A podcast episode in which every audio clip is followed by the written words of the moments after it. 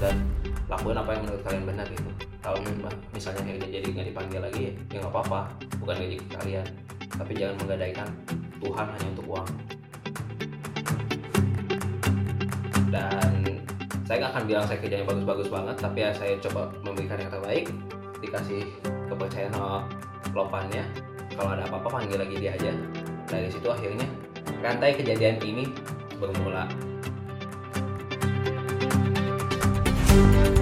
pas itu lagi ada razia dia kerja di pasar malam dan harus mengeluarkan kocek yang cukup dalam untuk bayar dendanya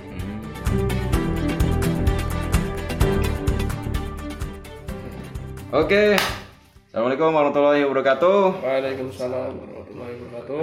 Kita kembali lagi di podcast For Talks tentunya. yang dikelola oleh Format Tengah episode 2. Benar sekali. Kembali dengan saya Yusuf Ridho Osman Terumbang dan Saya Prabowo Wahyu Wicaksono sebagai host dan host dari For Talks podcast dan hari ini kita kedatangan tamu yang spesial lagi tentunya. Agent. kedua, Agent of part time job. part time job. Siapa namanya? Kang Dengan Kak Agent. nama saya Rafael Oscar saya mas bukan mantan eh bukan mahasiswa alumnus dari National Chinese University of Science and Technology dari jurusan Refrigeration, Air Conditioning, and Energy Engineering. Oke. Oke. Sekarang kabarnya udah terima ini Kerja nih? kerja ya di mana? ya?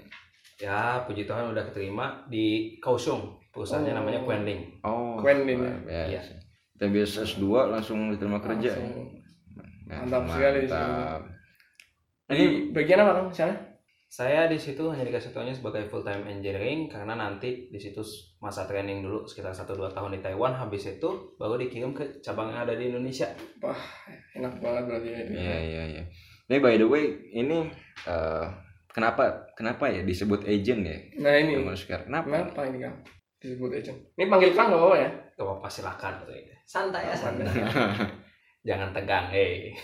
Gimana? Jadi kenapa nih Apa? disebut agent? Betulnya yang itu bukan saya sendiri yang ngasih sebutan, tapi itu stigma mahasiswa-mahasiswa yang ada karena saya pernah beberapa kali bantuin teman atau adik kelas atau ya kata-kata adik kelas atau mahasiswa dari kampus lain juga untuk dapat kerjaan sambilan. Oh, Hmm, berarti testimoni itu ya. benar sekali. Testimoni agent itu ya. Wah, luar biasa. Jadi itu bukan saya yang ngasih sebutan loh, tapi orang lain yang tiba-tiba eh agent itu testimoni berarti jaringannya udah ke mana-mana kan. Benar sekali sih. Berjasa gitu. Menyalurkan pekerjaan kepada orang-orang kan. Selalu menebar kebaikan. Nah ini BTW udah part time di mana nih Kang? Selama di NCUT nih. Sama dua tahun ya? Dua tahun sekarang ya? Iya, dua tahun lebih lah, Udah dua tahun seperempat. udah part time di mana aja nih kira-kira nih? Saya pernah part time di pinggir jalan di pasar malam jualan Hmm. cipai. Mantap. Terus saya pernah juga bantu-bantu orang pindahan, pernah juga bantu-bantu orang motong rumput dan beres-beres kebun di depan rumahnya. Mantap.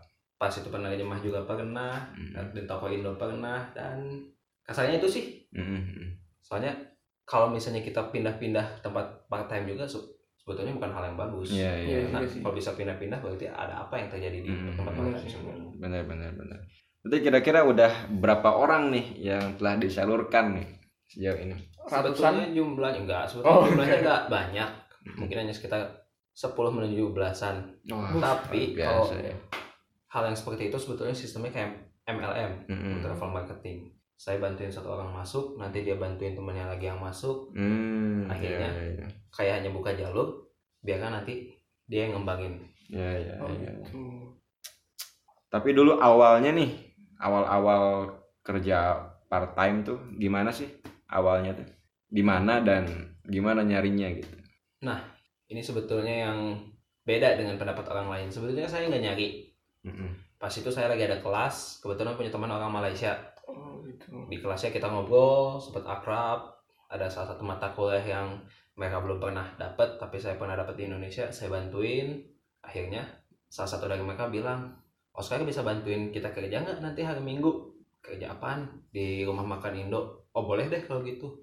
Mulai dari situ nyoba pertama dan saya nggak akan bilang saya kerjanya bagus-bagus banget tapi ya saya coba memberikan yang terbaik dikasih kepercayaan sama lopannya. Kalau ada apa-apa panggil lagi dia aja. Dari situ akhirnya rantai kejadian ini bermula. Akhirnya bisa dapat Hmm. di tempat lain dipercaya sama keluarganya yang buka toko di tempat lain untuk bantu-bantu juga Iya iya iya. dan begitu lagi ada yang perlu misalnya perlu pekerja kalau misalnya teman saya ada yang nganggur saya tanyain tawarin Hmm. dan juga pas itu karena kebetulan ini tuh sebetulnya bukan saya yang nyari sendiri tapi ditawarin nah ini juga pesan untuk yang mau cari pertama bentuk dulu sikap dan kepribadian kalian Hmm.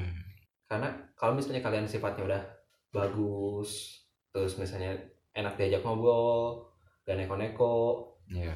gak usah kalian nyari juga biasanya ada yang nawarin Hmm. terus begitu kalian kerjanya bagus juga bisa dipertahankan Iya. karena yang salah satu yang lainnya juga saya pernah pas itu part time atau kerja sambil di pasar malam itu gara-gara pas saya lagi di acara keagamaan di gereja ditawarin oleh salah satu eh, kasarnya pemuka agamanya Hmm. dari situ saya ditawarin lagi sama lopan di pasar malamnya saya butuh orang di toko ini kamu kenal nggak siapa yang bisa dibantuin Hmm. saya masukin teman saya dan dari situ ada salah satu pelanggannya yang ternyata dia adalah administrasi di salah satu hotel di Taichung Hmm. Butuh. orang untuk part time ya udah saya masukin teman saya Iya iya iya. iya. Oh, Berarti waktu itu sempet part time dua sekaligus atau dulu pernah oh dulu pernah iya bukan hanya dua sekaligus pas itu pernah tiga sekaligus malah oh, tapi itu semua saya lakuin di weekend oh dibikinnya ya karena weekday kan mahasiswa iya Oh mahasiswa ya? oh iya turis karena saya di sini. Berarti yang paling penting tuh sebenarnya attitude kita dulu ya, iya. Yang dibentuk ya. karena kasarnya itu kayak topeng kita. Kalau misalnya kita pakai topeng yang bagus orang lain juga nggak deketinnya nyaman tapi kalau kita pakai topeng yang udah jelek Mm-mm. misalnya dilihat juga gak nyaman ya jangan kan mau nawarin mau ngobrol sama kita juga. Mereka mungkin mikir-mikir. Wah bener banget ya. Benar sih. Nah untuk di untuk mencari part time itu sebenarnya ada berapa jalur sih untuk sebagai yang Sepe- baru datang? Sepengalaman saya dan sepengalaman teman saya yang saya tahu juga kalian bisa kayak saya misalnya ditawarin karena misalnya punya kenalan atau punya teman di kampus atau kalian bisa juga nanya-nanya sendiri. Misalnya keliling-keliling ke tempat-tempat yang punya potensi untuk dijadikan tempat kerja sambilan dan kalian tanya kalau ya syukur kalau dapat kalau enggak ya usaha lagi namanya juga usaha. Iya sih benar sih. Tapi dulu sempat sempat itu nggak apa muter gitu keliling di daerah Taichung untuk nyari kalau saya kebetulan enggak Enggak ya? Nah kalau untuk mencari kerja part time sendiri kemarin selama ini gitu ya, kendalanya apa aja sih? Ada kendala nggak atau mulus-mulus aja nih selama ini? Kalau saya karena secara teknis gak nyari sebetulnya sih jadi mulus-mulus aja lagi kerja di mana Hmm. ditawarin kan bantuin ini bisa bisa lagi Hmm. kerja di mana ditawarin Nah, pas itu ngobrol sama apa ditawa- Hmm. ditanya kamu pernah ngelakuin kayak gini nggak pernah ditawarin bisa bantu saya atau enggak hmm. tapi kalau misalnya bagi yang mencari salah satu kendalanya kata-kata itu di bahasa Bahasa. Iya, biasa. karena namanya juga kita ada di negeri orang Ya ya ya. bahasa mereka, budaya mereka beda dengan bahasa dan budaya kita di negeri asal kita sendiri. Hmm. Walaupun bahasa internasional itu bahasa Inggris, tapi belum tentu semua orang bisa bahasa Inggris. Hmm. Karena kan kalau di Taiwan juga berarti fokus bisnisnya dan target bisnisnya juga rata-rata orang Taiwan kan, Iya benar. Iya, iya, Orang iya. Taiwan juga sih. bukan orang bule Hmm. atau bukan orang Eropa. Jadi ya biasanya diutamakan yang bisa bahasa Mandarin. Iya iya. iya. Tapi ini menarik sih. Berarti kan kalau kalau tadi dengar mulus-mulus aja dan emang jarang nyari juga. Berarti kan Kang Oscar ini relasinya luar biasa ya. Benar sekali sih itu. Jaringannya luar biasa. Nah, Pertanyaannya setelah tadi attitude terbentuk, membangun jaringannya gimana nih Kang Oscar nih? begitu attitude kita terbentuk kalau misalnya udah sifat kita udah bagus dan kita nunjukin kerjanya dengan sepenuh hati juga Mm-mm. nanti itu bisa menarik simpati orang lain juga Mm. Lopan salah satu karyawan kamu ada yang rajin ada ada yang bagus ada yang kerjanya serius itu siapa boleh tanya Hmm. nah nanti misalnya kalau misalnya kebetulan dia butuh bantuan biasanya nanti ngomong ke Lopan kita dan Lopan kita ngomong ke kita Iya, iya. kak itu ada yang butuh bantuan ini kamu hari ini bisa nggak ya kalau bisa ya saya bantu kalau enggak ya enggak Hmm. kalau misalnya hal yang seperti itu kalau menurut saran saya pertama jangan terlalu ngejar yang namanya uang Hmm.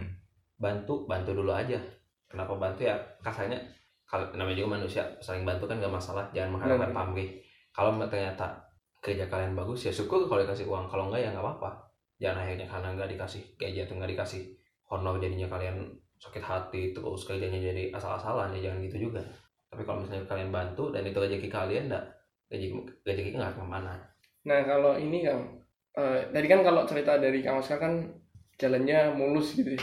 enak banget itu. Nah kalau katakanlah eh, orang tersebut itu dia udah punya attitude yang baik, tapi mungkin karena dia belum ada apa ya kayak media gitu untuk nyalurin dia. Atau mungkin dia udah nyari, udah nyari tapi mungkin udah full itu gimana ya dia? kasarnya demografi mahasiswa di Taiwan juga banyak. Terakhir kali yang saya dengar itu udah sampai belasan ribu. Jadi sebetulnya di lapangan ini bukan hanya kalian yang nyari orang lain juga nyari. Dan lapangan yang ada itu terbatas apalagi untuk yang tidak bisa berbahasa Mandarin. Namanya juga persaingan. Ada yang menang ada yang kalah.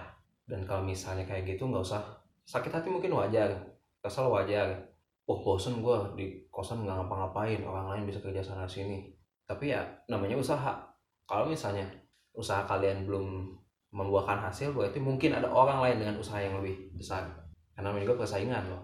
Yang nyari bukan hanya kalian tapi banyak mahasiswa juga bukan bukan hanya mahasiswa mah kadang-kadang BMI pun ada yang hari minggunya kerja lagi iya benar iya banget sih.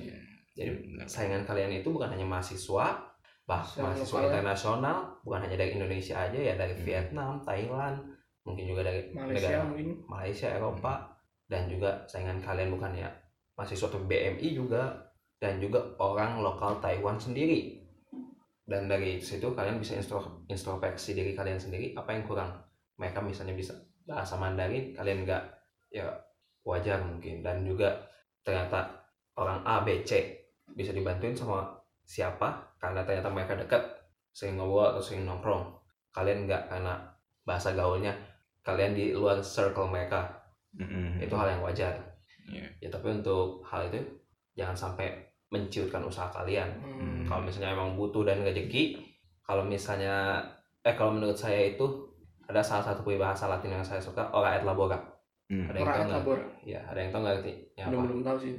Gimana itu? Bekerja dan berdoa Jangan- usaha terus ya berdoa yang terbaik dan tapi kalau nggak ada belum ada hasilnya jangan menyerah usaha terus Imba- imbangi juga dengan doa Siap, siap. Nah, ini nih menarik. Kan Kang Oscar udah nyalurin belasan orang ya untuk Iya, kerja part time. Nah, itu tuh motivasinya apa sih kok mau bantu orang untuk nyalurin kerja dan sebagainya? karena pekerjaan sambilan ini saya dapatkannya juga dengan kasarnya cuma-cuma ya ada sedikit beban moral juga untuk saya bantu orang lain saya udah dapat kebaikan dari orang lain kenapa nggak saya salurkan kebaikan ini ke orang lain juga jaga agar rantai kebaikan ini tetap jalan Hmm, bener sih. dan juga kan siapa sih yang tega ngeliat temannya kesusahan Iya, iya. nah kalau misalnya kita punya kesempatan dan kebetulan tempatnya ada dan kebetulan lowongannya ada dan kebetulan orangnya bagus bisa dipercaya kenapa enggak Hmm.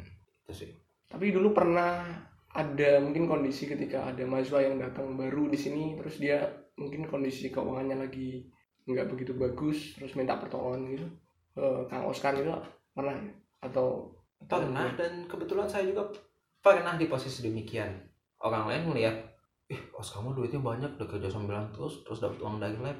Tapi saya juga pernah ada posisi di mana uang di kantong hanya 150 NT loh. Buat. Itu nggak tahu sampai kapan. Hmm. selama berapa lama itu? Itu ada seminggu lebih. Wah. 150 NT akhirnya untung kebetulan punya kenalan sana sini makan masih bisa gratisan dan beberapa kebutuhan masih ada yang bantuin dan akhirnya karena kebetulan saya sempat rada aktif dulu di eh, aktivitas keagamaan. Pas di weekend itu juga dibantuin sama salah satu pemuka agama di situ. Ya udah sekarang ternyata orang yang dikasih part time nggak mau. Kamu mau nggak masuk? Ya oke lah. Walaupun pas itu kerjanya ada ngebatin juga. Hmm. kerja di pasar malam berangkat jam 9 malam pulang jam 3 pagi. Hmm. itu kerja Sabtu ngapain Kang? jualan di pasar pinggir oh jalan. naik market gitu? Iya. Berangkat naik bis pulang naik sepeda saya. Hmm. tapi ya namanya juga kepepet mau gimana lagi Iya, iya. Dan teman saya juga pas itu ada yang kayak gitu ya udah kalau misalnya saya lagi ada rezeki lebih dapat makanan dari lopan rumah makan atau apa ya, kasih ke dia tapi kalau misalnya dia butuh pinjaman kalau saya ada ya pinjemin tapi kalau misalnya dia tiba-tiba minta kerjaan tapi kalau nggak ada ya saya nggak bisa bantu dan karena memang lowongannya nggak ada Hmm. ya ya ya ya. saya bukan pesulap yang tiba-tiba boom ada Hmm. ya ya ya. Nah dari beberapa part time yang pernah dijalani nih Kang, pasti kan di situ laubannya kan dari mungkin berbagai daerah kan, entah dari Indo atau dari negara mana. Nah itu ada perbedaan nggak sih Kang? tentu saja perbedaan latar belakang lopannya pasti ada perbedaan juga dari apa yang dia harapkan dan juga perlakuan mereka ke kita. Tapi sepengalaman saya semua lopan saya sih baik-baik kalau misalnya kita lagi kerja kalau serius dia lihat. Oscar kamu istirahat dulu sana. Oscar nih kamu beli teh dulu sana. Beli naicha atau apa. Atau begitu pulangnya nih ada makanan untuk kamu bawa. Asalkan kita kerjanya serius. Kalau misalnya ada, ada teman saya juga sih yang naasnya mungkin karena dia performanya lagi kurang bagus lagi part time dipecat. Oh ada Gitu ya? gitu. ya? banyak. Performanya kurang bagus itu gimana tuh yang seperti yang saya sebutkan sebelumnya lakuin semuanya dengan maksimal dulu dan sebetulnya sebetulnya ini bukan sikap atau perilaku yang harus dilakukan di part time aja sih Hmm. tapi ini sikap dan perilaku yang harusnya diterapkan di semua kondisi kehidupan Hmm. kita kalau menurut saya yaitu salah satunya adalah fokus Hmm. kalau kalian lagi disuruh A B C D E lakuin itu jangan tiba-tiba ada teman kalian ngobrol lama Hmm. jangan tiba-tiba karena ada orang bule karena nggak pernah ngeliat ngobrol lama cari perhatian Hmm. kayak itu Ya. walaupun lopannya kelihatannya kayak yang sibuk tapi dia memperhatikan Perhatian, juga ya. ya ya ya nah teman saya ada yang naasnya kayak gitu Hmm. gara-gara dia kerja di rumah makan ada cewek diajak ngobrol dulu ada orang bule diajak ngobrol dulu sedangkan Hmm. kerjaan dia terbengkalai dipecat langsung di situ juga ya. biasanya sih omongannya halus Hmm. ya udah kamu tunggu ya. Kalau dipanggil lagi datang kalau nggak ya enggak ya enggak dipanggil lagi. Tiba-tiba ada orang yang ganti. Ya ya ya ya. Satunya Dari- fokus dan lakuin dengan maksimal. Namanya itu juga amanah. Betul betul betul. Lakuin amanah itu sebaik mungkin. Jadi memang attitude itu perlu lah ya. Nggak cuma di part time tapi di kehidupan. Hmm. dan juga ada satu lagi sih yang ada menarik bagi saya. Soalnya kalau hal yang ini kalau menurut saya nggak bisa saya nggak bisa nyalain salah satu dari pihak teman saya atau dari pihak yang mempekerjakan karena teman saya pasti ada yang kerja di salah satu toko Indo Hmm. cuman karena namanya juga orang Indonesia kan biasanya suka ibadah emang wajib Iya. ibadah Hmm. dia coba untuk menunaikan ibadahnya lima Hmm. kali sehari Hmm. tapi kata lopannya aduh dia lagi kerja tiba-tiba minta izin lagi kerja tiba-tiba minta izin kak kamu bisa cariin orang lain nggak aduh saya juga bingung Hmm. ya namanya juga orang mau ibadah nggak bisa dilarang-larang juga tapi ya karena perbedaan budaya ya ya orang sini kan nggak terbiasa dengan yang seperti itu Hmm. dia maunya yang kalau misalnya dari jam segini sampai jam segini ya kerja aja terus Hmm. walaupun akhirnya teman saya ini nggak dipekerjakan lagi ya mungkin bukan itu jalannya Hmm. Hmm. kalau misalnya hal-hal yang seperti itu ya itu mah diserahkan lagi ke, kepada kalian tapi ya ibadah mah kalau bisa tetap jalanin terus Hmm. jangan sampai kalian ngegadaikan iman kalian hanya demi sececah pundi-pundi Uang ini. NTD Ya. karena kayak bukan hanya dia doang sih tapi teman saya juga ada yang akhirnya kayak gitu kayak gitu kayak gitu kayak gitu lama tidak ibadah akhirnya kasarnya jadi kacang yang lupakan kulitnya gitu Hmm. Kalian udah kasih rezeki tapi tiba-tiba kalian malah fokus ke rezeki itu bukan ke hal yang lain ya ya ya rezekinya juga gampang diputus Hmm. tapi kalau misalnya ada perbedaan latar belakang budaya kerja kayak gitu atau kerja kayak gitu jangan kaget namanya juga Taiwan Hmm. beda sama negara sendiri dan lakuin apa yang menurut kalian benar gitu kalau Hmm. mis- misalnya akhirnya jadi nggak dipanggil lagi ya nggak apa-apa bukan rezeki kalian tapi jangan menggadaikan Tuhan hanya untuk uang Hmm. Nah kalau dari segi kan kalau orang bekerja pasti mencari pundi-pundi uang juga nih Kang ya. Hmm.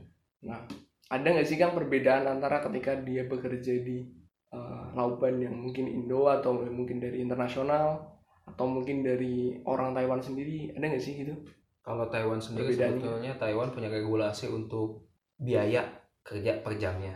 Pas waktu itu saya pas kerja di pasar malam walaupun di pinggir jalan di stand makanan kayak gitu, cuman saya dihargain pas itu masih zaman 140 NT per jam. Tahun Tahun kau yang udah lama banget ya barangkali 2019. oh 2019. tahun lalu juga ada. Tapi ada juga kadang-kadang di lapangan Indonesia ya tembak pokoknya sehari segini. Oh ada. Hmm. ya ya ya ya. tapi ya jangan gara-gara dikasih kecil akhirnya kerjanya nggak serius soalnya Hmm. kadang-kadang walaupun dikasih dikasihnya sedikit tapi ada benefit lainnya atau ada keuntungan lainnya kayak misalnya makan gratis Makan gratis, ya. tiap pulang dikasih makanan atau gimana Hmm. rezeki nggak hanya datang dalam bentuk uang aja sih Betul, betul, betul. dalam bentuk relasi atau apa juga bisa jadi rezeki Nah, kalau untuk pernah nggak sih bekerja di eh, restoran mungkin yang lokal gitu, yang menggunakan bahasa Mandarin setiap hari gitu? kebetulan kalau restoran bukan tapi pas itu saya kerja di pasar malam bosnya orang Taiwan tapi untung bosnya bisa bahasa Inggris tapi tetap customernya orang Taiwan Nah itu kan yang menarik kan ya, itu. Itu gimana itu berarti? mau nggak mau saya juga harus belajar bahasa itu walaupun biar efektif dan efisien pas waktu itu saya belajar bahasa apa yang kira-kira bakal dia omongin. Kayak bahasa apa yang biasa dia pakai untuk pesan terus kalau misalnya ada tambahan bumbu atau apa ngomongnya gimana ngitung uang kayak gimana ngasih kembalian gimana dan bahasa yang lazim dipakai kalau misalnya lagi transaksi untuk beli jajanan. Karena kalau misalnya mau be- belajar semuanya nggak akan kerja Iya sih. jadi fokus di yang apa yang perlu dan terapin di situ dan ya puji Tuhan dalam kendala bahasa nggak terlalu ada masalah sih Hmm. kecuali kalau misalnya dia orderannya udah macam-macam pesanannya udah oh ayamnya bentuknya harus kotak jumlahnya harus genap harus dari peternakan ayam sebelah timur gitu kan bahasa Mandarinnya udah bahasa Mandarin yang aneh-aneh itu saya minta tolong bos Hmm. bos ini mesen apa gak jelas Hmm. Hmm. Berarti bahasa termasuk tantangan yang cukup lumayan lah ya untuk dihadapi kayak gitu ya. Kasarnya kan bahasa salah satu sarana untuk pertukaran ide dari Benar, satu benar. individu ke individu lain. Kalau misalnya kita nggak ngerti apa dan apa yang dia pikirkan, apa yang coba dia sampaikan ya apa yang mau kita kasih ke dia kita Iya. juga nggak tahu. Hmm. Tapi justru ini sih, kalau kerja part time di Taiwan itu justru sarana buat ngaplikasian bahasa kita. Ya, Jadi banyak banget kalau pengalaman saya gitu ya, kosakata kosakata yang saya dapetin di part time job gitu. Hmm, kata-kata baru gitu ya. Kosakata baru dan juga kadang kan kalau kita belajar di kelas tuh kan kita tahu vocabnya nih. Oh iya. Kita tahu vocabnya kita hafal gitu. Tapi pas ngobrol tuh orang ngomong kita nggak ngerti gitu kan. Bener sih. Iya kan? Tapi pak kalau pas kerja itu kita ngelatih itu. Jadi kita ngelatih peka gitu. Orang ngomong apa tuh kita jadi tahu gitu. Ya gitu. Salah satunya gitu. Iya, karena pas kadang-kadang saya suka ikut salah satu kelas bahasa Mandarin di kampus juga, bukannya mau ria atau sombong, tapi misalnya ikut yang kelas pemula atau kelas beginner kelas kasarnya, kok kayaknya gampang banget. Mm-mm. Ternyata itu karena udah saya pelajari di tempat part time. Nah, Oh, itu gitu. ngomong apa, bisa ngejawab. Kok kamu bisa ngejawab Oscar? Punya teman orang Taiwan kasarnya gitu. Iya, iya. Jadi kalau menurut salah satu buku Paulo Coelho The Alchemist, perhatikan hal-hal yang sederhana dan perhatikan hal-hal yang kecil karena dari semua hal-hal kecil dan sederhana itu pasti ada yang bisa kita pelajari. Mantap. Santiago ya. Santiago sekali. Nah kalau ini kan untuk masalah ketika kita nah itu yang ah, mungkin ada yang part time gitu kan part time di hari weekdays gitu kan di hari-hari Senin sampai Jumat mungkin nah cuman kendalanya itu ketika waktunya itu berbenturan gitu itu gimana gitu menurut karena kantong kantong yang mungkin sedang kosong itu kadang bertolak belakangan dengan waktu kuliah gitu Ini yang benar-benar penting yang benar-benar mau saya tekankan. Ingat tujuan kalian datang ke negara ini untuk apa? Apakah untuk kerja sambilan atau untuk kuliah? Karena kalian datang ke sini untuk kuliah, yang paling penting, paling penting banget itu untuk kuliah. kuliah Kalau misalnya akhirnya part time bentrok sama kuliah, tinggalkan part time fokus dulu ke kuliah. Hmm. Jangan sampai kalian ngegadaikan apa yang sementara, apa yang bakal jadi jangka panjang, apa yang modal ya bakal jadi modal kalian di masa depan, apa yang benar-benar jadi tujuan datang kalian ke sini hanya untuk apa yang sementara. Jangan kalian gadain masa depan kalian hanya untuk sedikit NPD. Kalau misalnya ada yang bentrok dengan jadwal kuliah, tinggalkan part time, fokus dulu kuliah. Karena orang tua kalian, sekolah kalian, dan sekolah yang ada di Taiwan juga datang dan memberi kalian kesempatan untuk studi di luar negeri, sebuah kesempatan yang tidak dimiliki setiap orang itu untuk kuliah, bukan untuk part time. Part time itu namanya juga part time, kerja sambilan. Itu sambilan saja, tapi fokus utama kalian hanya untuk kuliah. Kalau dapat part time ya syukur, kalau enggak ya udah. Kalau kalian fokus kuliah, ya nanti kalian misalnya begitu udah lulus bisa dapat kerja di Taiwan karena akhirnya profesor kalian seneng ini orang kuliahnya baik kuliahnya serius bisa dijaga kerja di Taiwan. Tapi kalau akhirnya kalian kuliahnya juga jadi putus-putus nggak karu-karuan hanya gara-gara kerja sambilan ya terus kalian datang ke sini untuk apa? Itu gelar hanya gelar kosong aja. Tapi kalau memang kan itu idealnya ya Kang ya? Ideal kan kayak gitu karena kita tujuan ke sini untuk kuliah harusnya sih kuliah gitu cuman kan nggak memungkiri karena kita juga harus untuk mungkin membayar uh, uang semesteran mungkin di tahun kedua atau mungkin tahun selanjutnya gitu kan. Pastinya tentu butuh uang dong. Nah itu gimana ya kalau solusinya biar dapat dua-duanya gitu? Kalau pengalaman saya sendiri dan menurut saya sendiri sebelum saya ke Taiwan itu saya coba untuk nimbang-nimbang resikonya kayak gimana dan kira-kira rencana jangka panjangnya sampai lulus itu proyeksi keuangan, proyeksi finansialnya kayak gimana. Karena pas itu saya sempat kerja dulu selama beberapa bulan di Indo untuk terbang ke Taiwan saya udah kayak udah tahu ketebak kira-kira bayarnya segini. Dan pas itu saya kebetulan dapat beasiswa juga dari lab dan dari perusahaan. Pas saya hitung-hitung dan perkirakan oh kalau dapat beasiswa segini dapat uh, beasiswa sama financial aid dari perusahaan segini berarti per bulan kira-kira bisa dapat berapa disisihin dengan uang makan berapa sisihin dengan uang kosan berapa sisihin dengan uang entertainment juga berapa. Karena nggak bisa dipungkiri pasti ada yang bener ngalir ke situ. Dan nanti kira-kira kalau disisihin untuk bayar uang kuliah di semester-semester 3 dan 4 berapa apakah udah aman atau belum? Terus juga dengan modal saya apakah udah aman atau belum? Dan kira-kira per bulan itu uang yang bisa saya salurkan untuk misalnya beli baju atau beli makanan atau beli jajanan itu berapa? Karena kalau menurut saya umur kita rata-rata di sini udah kepala dua. Perencanaan keuangan hal seperti itu adalah hal yang penting. Jangan sampai kita datang ke sini modal nekat dan begitu beasiswa udah cair atau ini itu udah cair karena wih ngeliat duit banyak langsung dipakai untuk dangdutan. Ah, ada ya sini ya? Uh, ada-ada aja sih. Dipakai untuk ini itu. Kalau kalian mau punya gaya hidup demikian itu sebetulnya bukan urusan saya itu mah urusan interpersonal anda sendiri. Tapi juga barengin dengan kekuatan finansial ya kalian juga. Kalau misalnya kalian memang kekuatan finansialnya ke- keadaan ekonominya mepet ya hidupnya juga hemat-hemat lah. Tapi jangan terlalu nyiksa diri juga akhirnya makan seharinya sekali. Kalau sakit itu biayanya lebih mahal lagi. Tapi rencanakan semuanya dengan matang-matang. Maka dari itu saya begitu udah bayar uang kuliah udah bisa happy happy aja dulu santai. Karena emang saya udah pernah memper- memperkirakan hal itu juga dengan teman-teman saya wah ini kita kuliah ke Taiwan. Biaya segini kira-kira cukup untuk berapa lama? Kalau misalnya ada minus karena beasiswa dan financial aid dari perusahaan belum datang kira-kira bisa bertahan berapa lama? Berarti dengan modal segini bisa harus ketemu bulan kapan lagi? Bulan kapan kalau udah dapat uang dari kuliah kampus dan dari perusahaan bertahan sampai bulan kapan lagi dan harus nyisihin berapa per bulannya?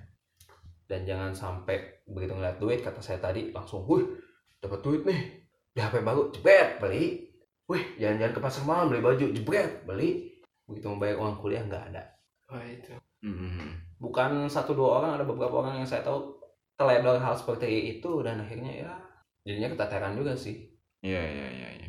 emang semua harus di planning gitu ya rencanain dengan sematang mungkin Iya. Kayak jadwal kerja sambilan juga. Kayak tadi jangan sampai mengganggu jadwal kuliah dan kalau misalnya jadwal kuliah yang anak S1 prasarjana kan jadwal kuliahnya nggak setiap hari. Mungkin di sela-sela kekosongan itu bisa diselingin dengan part time, tapi kalau untuk yang S2 yang punya aktivitas lab ya berarti habiskan aktivitas lab itu di weekday dan pas weekend baru kalian bisa part time. hmm, Jangan sampai mengganggu kuliah lah ya kuliah. Nah, ini mungkin eh, selanjutnya terkait regulasi nih part time. Regulasinya gimana sebenarnya kalau di Taiwan part time tuh? Sepengetahuan saya regulasi part time itu pertama kita harus punya surat izin kerja working permit yang bisa dikeluarkan oleh Labor Ministry Taiwan.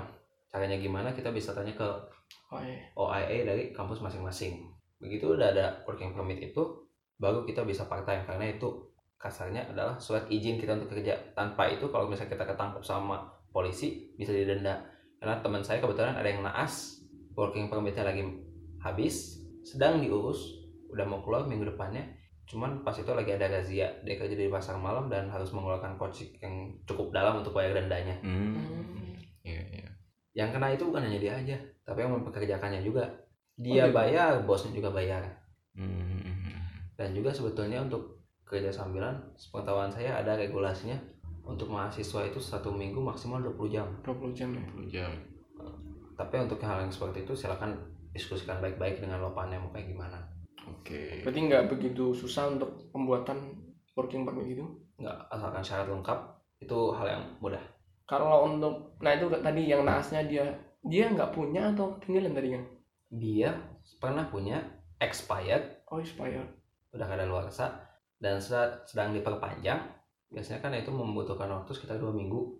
Hmm. tanpa working permit hidup dia kerja di pasar malam begitu dicek working permitnya udah mati kena denda Hmm.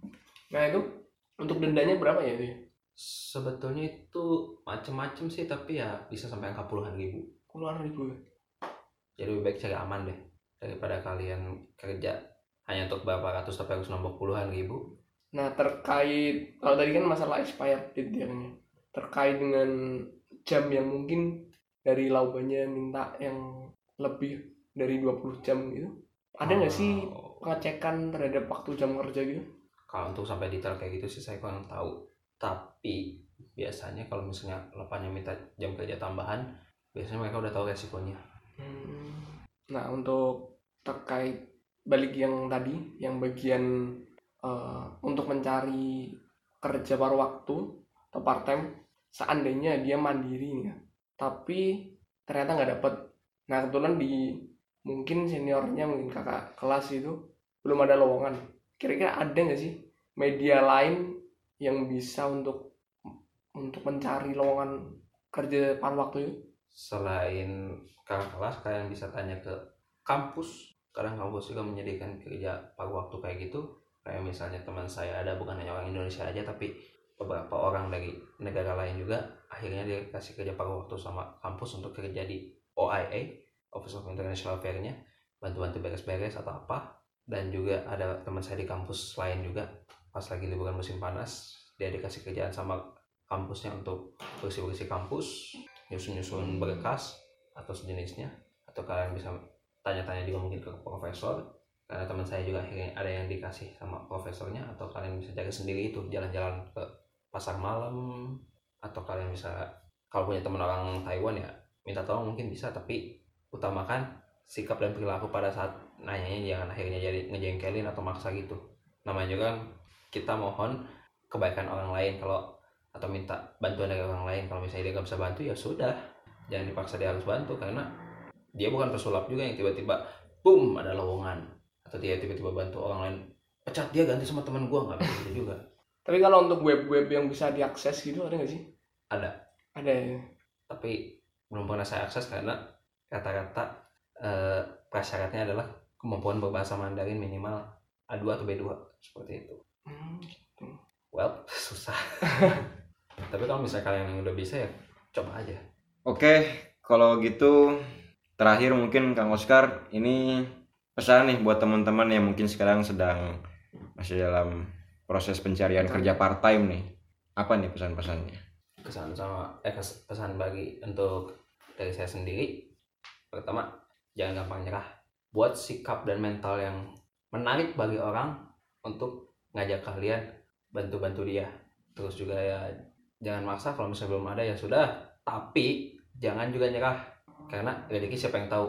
Kalau mis dan juga kalian kan di sini bukan hanya sendiri tapi demografinya sendiri. Lumayan banyak kan mahasiswa di Taiwan. Betul. namanya persaingan. Persaingan itu ya kalian tingkatkan kualifikasi diri kalian sendiri biar kalian bisa memenangkan persaingan itu Hmm. dan ingat walaupun kalian nanti bisa dapat kerja part time dan kuliah tapi perhatikan juga kondisi badan. Jangan sampai kalian terlalu memforsir diri akhirnya sakit atau apa. Karena ini di negara orang lain jangan sampai terlalu memaksain diri. Kan kalau misalnya udah dapat juga jangan sampai mengecewakan orang yang udah ngasih amanah ke kalian. Lakuin semaksimal mungkin dan jangan terlalu fokus terhadap uang. Anggap aja ini ibadah. Kalau dapat bayaran syukur kalau enggak ya sudah namanya juga bantu orang ibadah dan juga jangan menggadaikan jati diri kalian hanya demi pundi-pundi NTD akhirnya kalian gara-gara part time jadi terkendala ibadah atau apa jangan sampai tinggalkan apa yang menjadi hakikat kalian hanya untuk pundi-pundi NTD Itu sih menurut saya. Mantap. mantap banget sih Luar biasa. Terima kasih banyak Kang Oscar atas waktunya, atas pencerahannya ini pencerahan-pencerahannya nih. Luar biasa sangat insightful ya. bener Semoga bermanfaat buat kita semua dan buat teman-teman yang mendengarkan. amin amin Amin dan sampai jumpa lagi di podcast selanjutnya Fortalk selanjutnya. Siap. Assalamualaikum warahmatullahi wabarakatuh. bye Terima kasih sudah mendengarkan Fortalks Podcast dari Formi Tengah. Jangan lupa follow Instagram kami di @formitengah untuk mendapatkan informasi-informasi dan podcast-podcast syarat kebaikan dan manfaat lainnya. Salam diaspora kebaikan. Assalamualaikum warahmatullahi wabarakatuh.